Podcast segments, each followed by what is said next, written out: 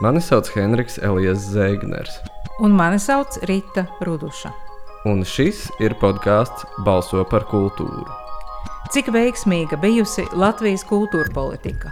Kā partijas piedāvā risināt ilgušās kultūras problēmas? Satorī podkāstu, rakstu, diskusiju un video ciklā Balso par kultūru raudzīsim saprast, par ko atdot balsi 14. saimas vēlēšanās. Šodien šajā podkāstā mēs runājam ar Olgu Procevsku, kurai ir publicēts raksts Fīčas, bagi un kultūra politika par to, ko viņa tur ir rakstījusi, ko viņa ar to ir domājusi un vēl visu ko citu. Mēs tagad turpmākajā pusstundas stundas garumā parunāsim. Un eh, mēs šos podkāstus vadām divatā un iztaujājam cilvēkus divatā kopā ar Rītu Rudušu. Sveiki! Un eh, sveika, Olga! Čau! Varbūt sāksim uzreiz ar pirmo tādu kā jumta jautājumu. Raksta tēma ir kultūra politika. Kā tu saproti šo jēdzienu? Ko nozīmē kultūra politika? Ko tas sevī ietver? Par kultūra politiku var ļoti dažādi domāt, un uh, tas, kā es piesuku savu tēmu pašā raksta sākumā, ir uh, man interesē domāt par mežu, kas ir aiz kokiem. Proti, man interesē domāt par to, kādi ir lielie kultūra politikas mērķi, aiz kaut kādiem konkrētiem gadu no gada rezultatīvajiem rādītājiem, kas lielos vilcienos, latviski sakot, mūs interesē kultūra politikā, ko mēs gribam panākt nāciju veidošanas aspektos. Lūk, un tad tieši šādā veidā es skatos uz kultūra politiku. Tas ir tikai viens veids, kā skatīties, bet tas ir veids, par kuru, manuprāt, Latvijā domā mazāk nekā runā par māksliniecisko izcilību un par kultūra politikas saturu no kritiķu un profesionāļu puses raugoties, bet, protams, nenoliedzami šis valsts būves aspekts ir svarīgs, respektīvi, kā kultūra politika veido nāciju. Prezidents Egils Levits ir runājis par šo, ja, par to, ka Latvija ir kultūra valsts un tieši no kultūras arī ir dzimusi, bet tā tad, ja es tev pareizi sapratu, tādā plašākā sabiedrībā mēs to saprotam savādāk un arī politikas dokumentos citādi traktējam? Īstenībā nē, šeit tā pati doma arī parādās, un kultūra valsts ir šobrīd jaunāko kultūras politikas pamatnostādņu nosaukums un tas atslēgas jēdziens. Un cita lieta, ka nu, tajā ikdienas diskursā tas parādās mazāk, bet tas nenozīmē, ka tas vai nu nepastāv, vai nu nesvarīgi. Tas ir svarīgi vienkārši par to tajā ikdienas režīmā tiek mazāk runāts. Jo tā ir liela lieta, par kuru nu, uz katra soļa runāt par to, kā mēs būvējam nāciju, tas arī būtu jocīgi. Bet tas ir liels, liels mērķis, tas ir tas fundaments, uz kā viss turas un uz ko viss iet. Un šajā gadījumā es negribu komentēt konkrētos uh, Levita izteikumus par to, kas no kā ir radies, bet tas, kas mums ir zināms no, no politikas zinātnes teorijas, ir tas, ka kultūra funkcionē kā līme, kas satur kopienas locekļus nācijas veidā. Jo citādi, kas mums ir kopīgs, vai ne? Kas man ir kopīgs ar Ritu, kas man ir kopīgs ar uh, Annu kaut kur Smiltenē vai, vai Jeļenu Daugopilī, Ideālā variantā mums ir kopīga kultūra, kas ietver gan valodu, gan plašākā nozīmē vispār semantisko lauku nozīmu sistēmu, ka mēs kaut kā mums ir puslīdz kopīga interpretācija par lietām. Un tas, kas Latvijā ir um, bijis tāds uh, gan arī gan tiešā veidā adresēts, gan lielā mērā neapzināts uh, princips kultūras politikā, ir tas, ka Mums ir latviešu nācija, kurai šī kopīgā izpratne jau pastāv, un tad mums ir mazākuma tautības, kas ir kaut kā izkritušas no šīs kopīgās izpratnes vai nekad tur nav bijušas. Un tad mums ir kaut kā jāapstrādā šie cilvēki ar pareizo politiku, lai viņi pievienojas šīm izpratnēm. Un tas, par ko es gribu parunāt un pameditēt šajā rakstā, ir tas, vai īstenībā latviešu vidū ir šī kopīgā izpratne. Vai tiešām ir tā, ka mums ir problemātiskā daļa un neproblemātiskā daļa? Nu, un principā tā tad nav. ir tāds aizdoms, ja. Jautājums, um, kā mēs to varam skatīties, kā mēs varam konstatēt, lai nerunātu spekulatīvi, bet vai ir kaut kādi testi, ar kuru palīdzību mēs varam saprast, vai rupi runājot patriotisms pastāv vai nē, un kādā līmenī un kādā izpratnē viņš pastāv. Un tas veids, kā es piedāvāju to skatīties, ir ļoti kaut kādā ziņā banāls paskatīties uz to, kā Latvijas iedzīvotāji pilda savus pienākumus pret valsti. Sākot no nodokļu maksāšanas un likumu ievērošanas, kas ir pilnīgi bāzes līmeņa pienākumi, beidzot ar pavisam jaunu lietu, proti diskusiju par obligāto militāro dienestu. Un kas izrādās, ka visos šajos punktos, kur tik mēs paskatāmies, izskatās, ka Latvijas iedzīvotāji savus pienākumus pret valsti pilda cik vien maz ir iespējams. Pilda, bet tikai tik, cik nevar nepildīt. Un tas attiecas gan uz nodokļu maksāšanu, kur mēs vidējais Latvijas iedzīvotājs un vidējais uzņēmums, un atkal šeit nav krievu latviešu dalījumi, ja, izvairās no nodokļu maksāšanas, cik vien tas ir iespējams, cik vien viņi spēkos, un maksā, nu, principā tikai tik, cik likums piespiež, ja. Tas pats ir attiecībā uz uh, likumu ievērošanu. Augstā korupcija liecina par to, ka cilvēki principā izvairās no likumu ievērošanas. Bet droši vien tas ir arī tādās mazās lietās, kā nu, kaut vai nedaudz, bet es braukšu ātrāk par tieši atļautu tā, ātrumu. Jā, ja? Tieši tā, un tas uh, troksnis, kas sāks tik līdz valsts mēģina kā stingrāk likt iedzīvotājiem ievērot likumus, jau esošos likumus vienkārši nedaudz stingrāk ievērot, kā piemēram sodīt no pirmā pārkāptā kilometra, sāks vienkārši ārprātīgi brēk. Kopumā izskatās, ka arī likumu ievērošanā tik daudz, cik, nu, galīgi nevar neievērot, tik daudz mēs ievērojam, bet, nu, visu pārējo, principā, atstāt paliekajā zonā. Un vēl Latvijā ir augstākais sēnu ekonomikas īpatsvars Baltijas valstīs. Nu, tā kā ir gan šie vispārējie dati, kā ēnu ekonomikas uh, apjoms, gan tas, ko mēs redzam uz ceļiem ikdienā. Par to arī tāpat var pārliecināties par likumu ievērošanu. Tad mums ir vēl viens pilsoņu pienākums doties uz vēlēšanām. Arī to dara tikai tik, cik nevar nedarīt.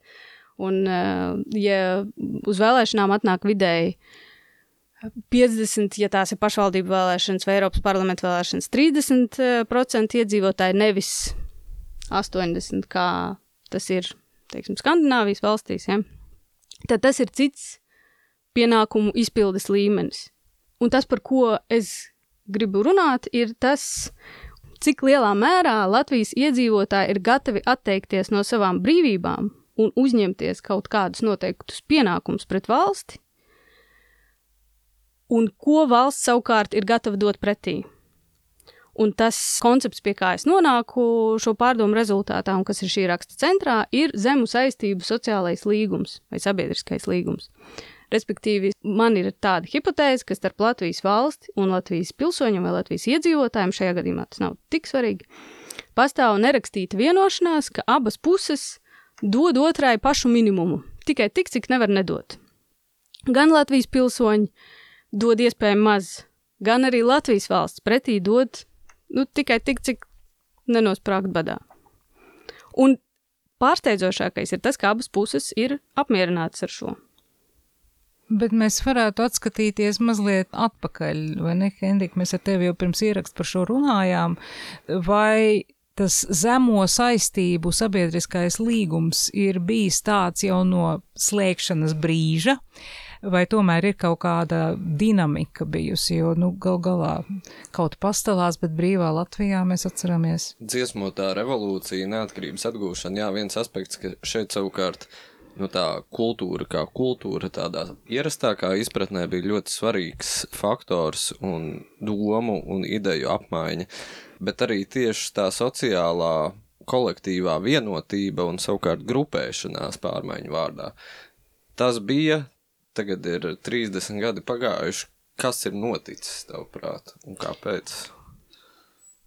Runājot par atmodu, man šķiet svarīgi saprast, ka tas tomēr drīzāk ir izņēmums nekā norma.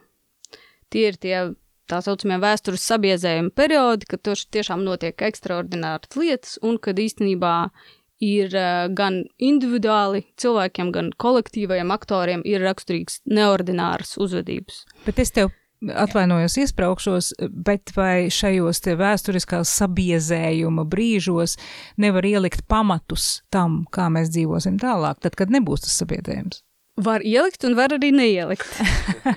un, um, un šeit ir svarīgi skatīties to, kas ir noticis tomēr 30 gadus pēc tam, kā zināms, ir kalnu grūtības un ir līdzenuma grūtības. Un tās, kad kalni ir pārvarēti, tad sākās tās līdzenuma grūtības, un kā tad izskatījās šo līdzenuma grūtību risināšana. Tas, ko mēs redzam Latvijas politikā, ir tas, ka tā 30 gadus ir bijusi labēja, ekonomiski labēja politika. Ja ir kaut kāda viena lieta, ko var pateikt, apkopojot visu Latvijas politiku 30 gadu garumā, tā ir ekonomiski labēja.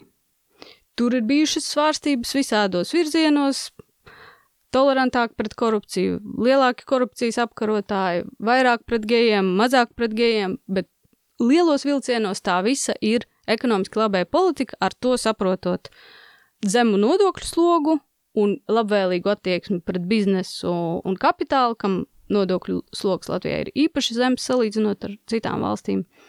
Un uh, cits starpā lielu uh, valsts tolerants pret tā saucamajām neformālajām institūcijām.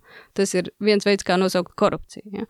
Tātad eh, valsts īstenībā vienmēr ir puslīdz akceptējis to, ka iedzīvotāji darīs lietas pa savam, tajā pelēkajā ekonomikā, ka viņi apmainīsies pakalpojumiem neoficiāli. Un tas vienmēr bijis vairāk vai mazāk ok. Un tad Viena no lietām, ko es neiekļāvu rakstā, ir ekskurs korupcijas apkarošanas vēsturē. Un um, šeit ir svarīgi pateikt to, ka visa korupcijas apkarošana Latvijā bija ārēja iniciatīva. Tas sākās tad, kad Latvija sāka iestāšanās pārunas Eiropas Savienībā. Un, principā, Eiropas Savienība pateica, ka ar šādu korupcijas līmeni jūs vispār pat tuvu nenāksiet. Un KNAB un visas korupcijas apkarošanas institūcijas un korupcijas apkarošanas ideoloģija vai vērtību sistēma arī mums ir ienākusi pateicoties Eiropas Savienībai un Eiropas Savienības spiedienam. Pēc tam to jau pārņēma politiskās partijas vietējās, jaunais laiks pirmām kārtām padarīja to par vienu no savas politikas stūrakmeņiem korupcijas apkarošanu. Bet pašiem par sevi latviešiem tā korupcijas apkarošana nesevišķi interesēja sākotnēji. Vai interesē šobrīd? Spriežot pēc gandrīz piekdaļu liela no IKP ēnu ekonomikas apjoma, varbūt tomēr arī šobrīd nepārāk interesē. Bet kāds tam ir um, skaidrojums? Kāpēc? Zemu saistību sabiedriskais ne, līgums. Bet sabied, zemu saistību sabiedriskajam līgumam, kā, kāds ir skaidrojums? Nu, kāpēc? Jā. Mēs esam ļoti pieraduši salīdzināt sevi ar kaimiņiem, bet nu, šoreiz tas salīdzinājums ir īsti vietā. Jo, ja piemin Igauniju to pašu, kur ir krietni zemāks ēnu ekonomikas procents un krietni augstāks sabiedriskās līdzdalības procents nekā Latvijā, varētu pieņemt, ka mūsu izejas pozīcijas mūsu dziesmotās revolūcijas, vēsturiskā sabiedrījuma posms bija ļoti līdzīgs, starta pozīcijas ļoti līdzīgas, resursu ziņā visas trīs valstis arī ir līdzīgas. Nu, kāpēc tad tā?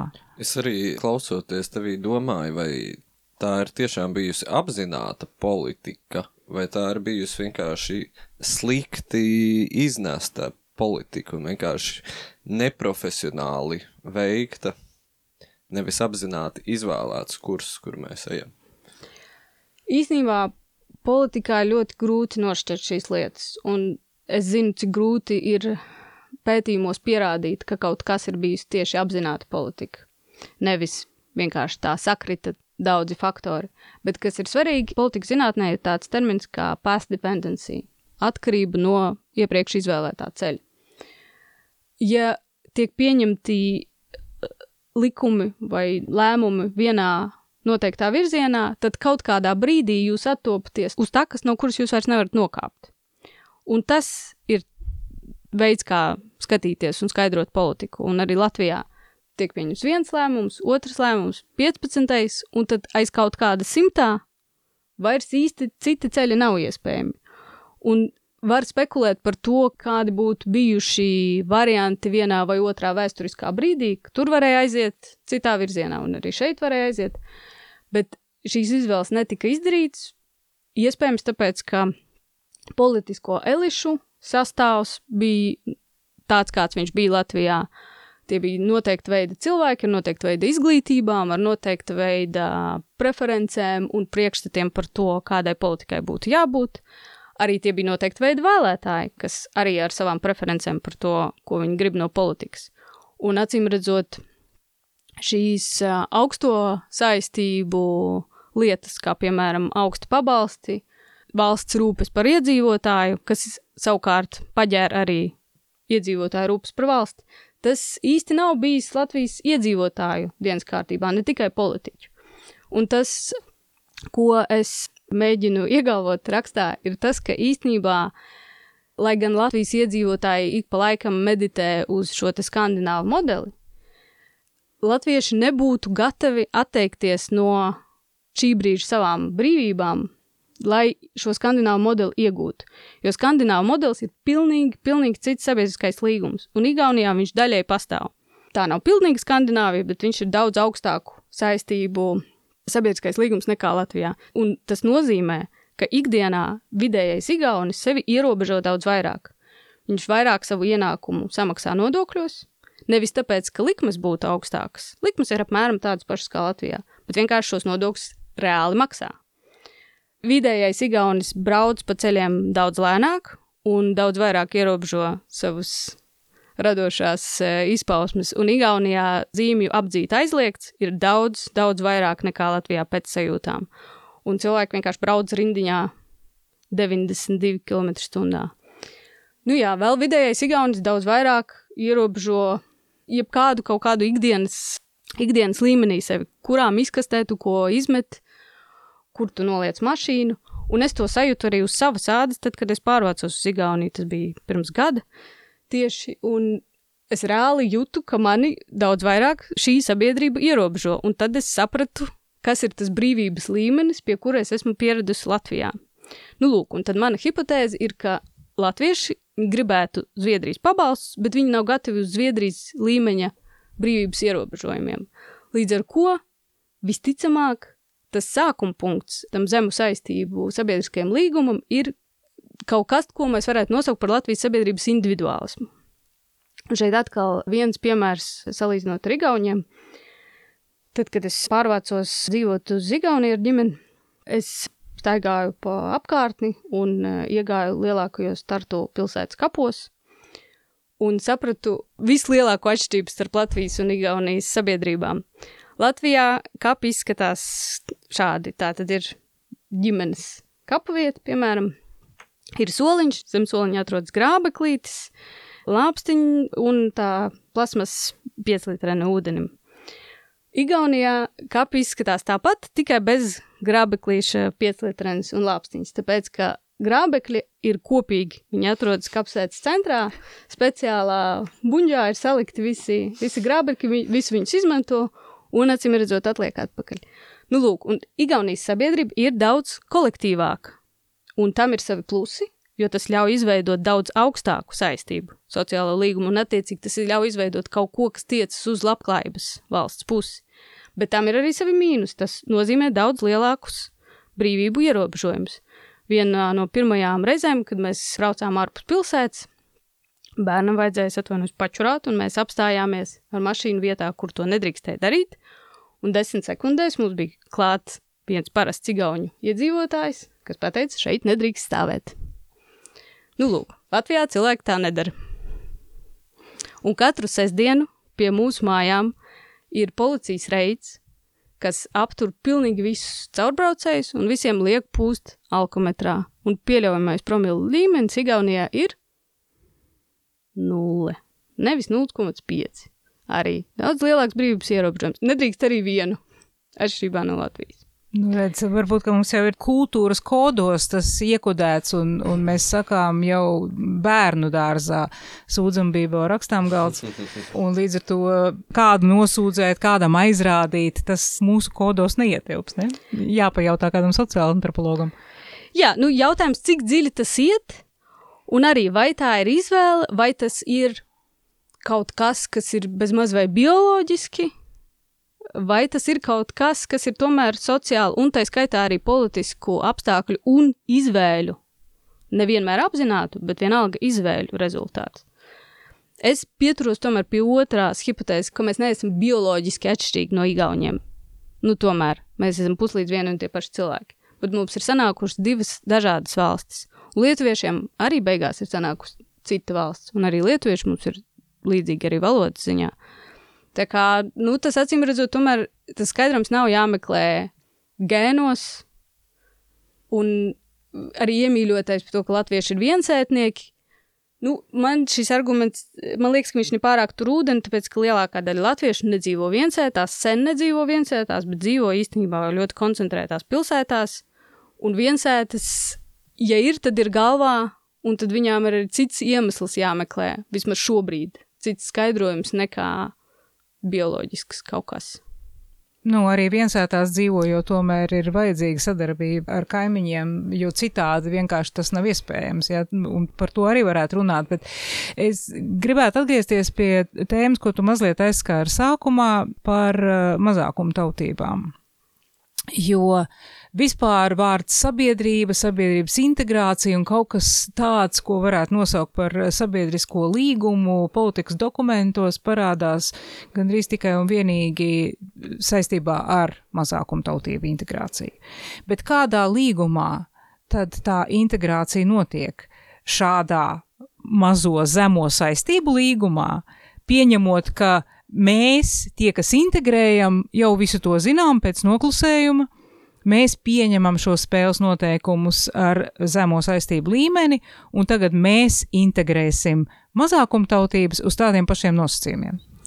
Šis ir super jautājums. Pasaki man, kā izskatās no latviešu perspektīvas? Es kā mazākumtautību pārstāvu tiesa gan negluži šīs politikas objekts tajā uh, esošo dokumentu izpratnē, jo es esmu paudzēs, var sakot, esmu no pilsoņu, Latvijas pilsoņu ģimenes un no ģimenes, kas Latvijā atrodas kopš 18. gadsimta.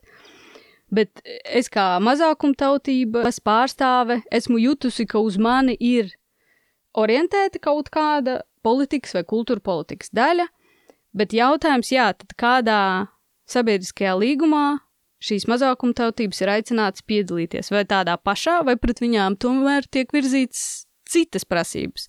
Vai varbūt tā mazākumtautība politika ir kaut kas, ko mēs gribētu visiem, bet attiecināt to uz visiem īpaši kaut kā nesenāk, un tad mēs to imagināro, to wannabe sevis versiju varam uzprojicēt uz tām mazākumtautībām. Tā ir īstenībā varbūt tā arī jāraugās to mazākumtautību politiku kā uz psihoterapeitisku tādu pasākumu, iespēju iztēlot sevi, kā tu gribētu, eh, tādā jābūtības formā, kā tas varētu būt. Kaut kādā ziņā tā Latvijas versija, ko mēģina, kurā mēģina integrēt mazākumtautības, ir varbūt labāka Latvija un Latvija, kāda viņa pati sevi gribētu redzēt. Nevis tāda, kāda viņa de facto ir. Bet jautājums, vai ir iespējams kaut ko, kādus cilvēkus integrēt tajā imaginārajā, nevis reālajā versijā. Henriks varētu pareflektēt, es domāju, par to latviešu perspektīvu. Tāpēc, ka manā gadījumā es esmu kā, jaukto kultūru rezultāts, tad es esmu gan latvieta, kurai jāintegrē, gan mazākuma tautība, kurai ir jāintegrējas. Henrika, tu vismaz esi latvietis no mums. Es, es esmu latvietis, jā, diezgan tādā tīrā versijā.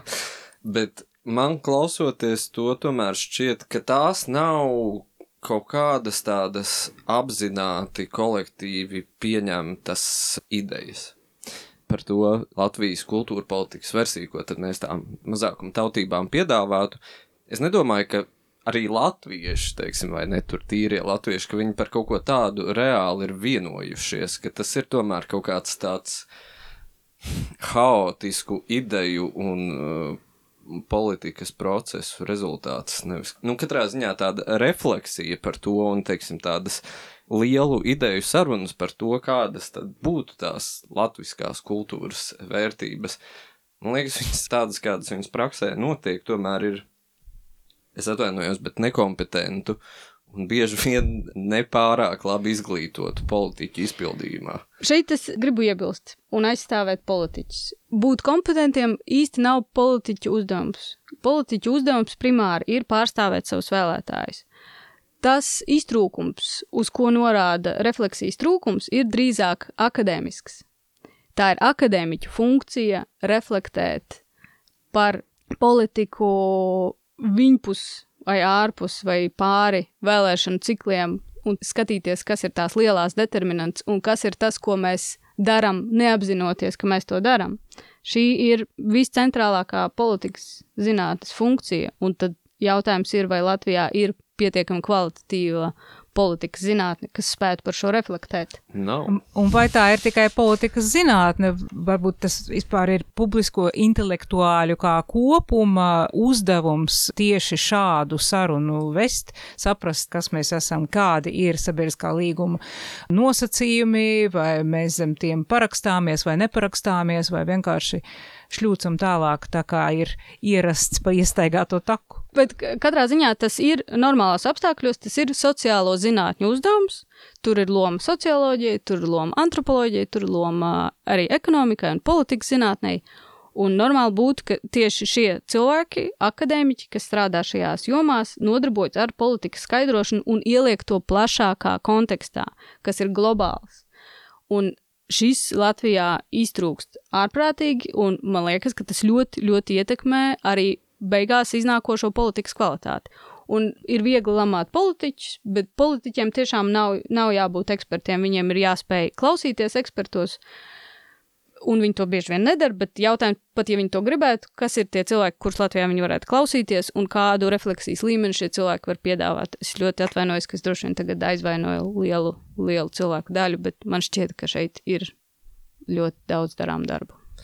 Tu rakstā piemini jaunās kultūra politikas nostādnes, vai viņas sola cerības šajā ziņā un kādas izmaiņas tavuprāt?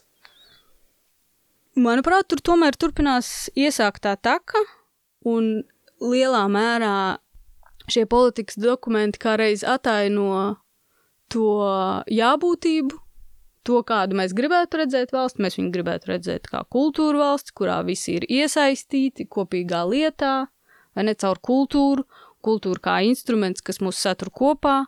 Viss tādā tiešām Benedikta Andersona iztēloto kopienu manierē, tas ir tāds veids, kā mēs varam sajusties kopīgi, sajusties kā kolektīvs aktors, un tas atsevišķos mirkļos darbojas. Tiešām tad, kad visi ir pārņemti ar dziesmu svētkiem, tad tiešām arī var sajust šo kolektīvo vienotību, gandrīz vai fiziski, un es par to runāju kā cilvēks, kurš piedalījies piecos vai sešos dziesmu svētkos un stāvējis meža parka estrādē un uh, raudājis dziedot, un es tiešām atceros, un tagad pat kā, varu rekonstruēt šo kopības sajūtu, kas tajā brīdī ir, un tā ir kopība ar kaut ko daudz lielāku nekā, nekā tu pats, nekā tavi draugi vai ģimene, un pat nekā tas koris milzīgais. Tas ir tā ir tiešām kaut kāda kolektīva vienotība ar nāciju. Jautājums, vai tas translējas kaut kādā plašākā ikdienas uzvedībā.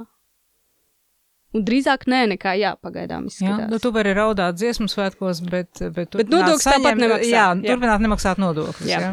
jā. jā. Un tas ir paradoks, ko, manuprāt, ir nepieciešams izskaidrot. Jo normāli jau vajadzētu būt tā, ka raudāšana dziesmu svētkos padara tevi par aktīvāku nodokļu maksātāju, jo tā ir valsts, ko tu gribi atbalstīt ar saviem nodokļiem, tu gribi, lai šī valsts zeļ un plaukst. Un, un dzied. Tu, jā, un tad tu šo apsolījumu arī īsteno savā ikdienas uzvedībā. Bet Latvijā ir kaut kāds pārrāvums, un tas, manuprāt, ir tas, kas būtu jāizskaidro. Tas nav acīm redzami, tam tā nevajadzētu būt. Un šeit es gribu uzsvērt, ka es nekritizēju Latvijas kultūra politiku. Es domāju, ka Latvijas kultūra politika ir profesionāli realizēta, bet šis iztrūkstošais posms, viņš atrodas ārpus kultūra politikas. Tā ir visa pārējā politika ārpus kultūras. Tā ir sociālā politika, tā ir veselības politika un visa cita veida politika. Un kultūra politika nevar izveidot citu pasauli nekā viss pārējā politikas virziena. Mums jau sāk iet uz beigām saruna, un tāpēc varbūt tāds noslēdzošais jautājums. Tu jau kā iezīmēji, no kurienes būtu jānāk tai sarunai un uzstādījumiem par šo sabiedrisko līgumu un tā caurumiem. Tā tad ir politikas zinātne, vispār sociālās zinātnes. Kas vēl? Jo nevar būt tikai viena tāda grupa, kura tagad lūdzu ejiet izpētiet, kāpēc mums ir tāds līgums, tagad rīkosim par to diskusijas un diskutēsim un tā tālāk, ko noteikti vajag darīt. Bet, nu, pirms vēlēšanām šis notiek. Bet, zinu, kaut mēs... kādā ziņā varbūt arī nevajag ne diskutēt, ne pētīt. Latvijas problēma nav ideju trūkums. Latvijas problēma ir zināmu ideju realizācija. Mm -hmm. Visas receptes ir uz galda. Ir zināms, kas ir vajadzīgs, lai izveidotu labklājības valsti. Ir vajadzīgs apkarot korupciju, lai valsts to dara pirmām kārtām caur ļoti nekorumpētu iepirkumu sistēmu, Un visādā ziņā, protams, ja mēs runājam par kaut kādu sabiedriskā līguma iespēju mainīšanu, kas ir sarežģīts pasākums, valsts ir tā, kas spēr pirmo soli. Nevis to vajadzētu gaidīt no cilvēkiem. Pašlaik, kā to liecina arī aizsardzības ministra izteikumi, kurš ir politikas zinātņu doktors, kā reiz kurš saprot lietu, viņš pats pasaka, ka obligātais militārais dienests nozīmētu jaunu sabiedrisko līgumu. Tik daudz cilvēki saprot. Jautājums ir, kurš tad spēr pirmo soli, un kāds tas izskatās, un kas seko tālāk. Un, manuprāt, ja Pabrika kungs ir kaut ko tādu pateicis, tad īstenībā tas ir ļoti labs kaut kāds sākuma punkts, no kura varētu domāt par to, ok, ja mēs principā gribētu jaunu sabiedrisko līgumu, tad kas ir tas, kā viņš varētu izskatīties, kādas saistības būtu vienai pusē, kādas saistības būtu otrai pusē. Un tad mums ir mērķis, un tad mēs varam sākt runāt par kaut kādu ceļa karti, kā mums līdz tam nonākt. Jautājums, vai tas vispār Latvijas sabiedrību interesē, un es domāju, ka tas nav triviāls jautājums, un tur nav viennozīmīgs atbildes. Varbūt nemaz neinteresē. Un, ja neinteresē, tad ne pabriks, ne neviens cits nekādu jaunu sabiedrisko līgumu radīt nevarēs. Ja interese ir, tad to ir iespējams izdarīt. Tad valsts var no savas puses nākt klajā ar piedāvājumiem, kā valsts palielina savas saistības pret cilvēkiem, kā valsts uzlabo rūpes par cilvēkiem. Un tad iedzīvotāji no savas puses var sākt runāt par to, kā viņi varētu vairāk piedalīties. Tas piemērs, ko es pieminu rakstā par zobu labošanu, respektīvi pagaidām aizsardzības ministrija konstatējas, jā, ka obligātajā militārajā dienestā iesaucamo kvalitāti stipri ietekmē viņu zobu veselību, respektīvi zobi slikti cilvēkiem. Un eh, tā vietā, lai valsts piedāvātu salabot zobus visiem, kas grib stāties armijā, valsts saka, zobus salabojiet paši par savu naudu, atnesiet izziņu, ka jūs esat to izdarījuši. Lūk, ja mēs runājam par kaut kādu vienu pirmo soli, jauna sabiedriska līguma virzienā, varbūt tas varētu būt tāds, ka Latvijas valsts salabo saviem jauniešiem zobus. Ar nosacījumu, ka viņi pēc tam dienē armijā. Nav slikts sākums, manuprāt. Nu, mēs esam uh, norunājuši jau nepilnīgi 40 minūtes, un droši vien varam arī to sarunu principā noslēgt. Lai gan gribētos turpināt ar tevi runāt, bet varbūt vēlēšanām tuvojoties, kas ir tas, ko tu ieteiktu cilvēkiem apdomāt, vai arī šī tevis piedāvātā perspektīva par sabiedrisko līgumu, uh, vai tas ir jautājums, kas tavāprāt būtu jāpatur prātā, ko tu ieteiktu cilvēkiem? Vēlētājiem. Es ieteiktu padomāt, kas ir tās lietas, par ko jūs balsojat. Un skatīties viņpus kultūru šajā gadījumā, jo kultūras ziņā Latvijas partijas sola puslīdz vienu un to pašu. Lielākās atšķirības parādās īstenībā tieši sociālajā politikā. Un, ja es drīkstu kaut kādu vienu padomu dot, tad es ierosinātu vairāk pievērst uzmanības sociālajiem jautājumiem, nevis identitātes jautājumiem, uz kuriem Latvijas politika ir bijusi fokusēta pamatā. Domāt ārpus tiem un varbūt tad sākt balsot, vadoties pēc savām interesēm sociālajā politikā un paskatīties, kā politika mainās. Paldies! Paldies, Olga! Paldies, Rita! Podkāstu tapšanu finansē Mēdīļu atbalsta fonds Klausieties arī pārējos šīs sērijas podkāstus un lasiet rakstus portālā Satorija LV.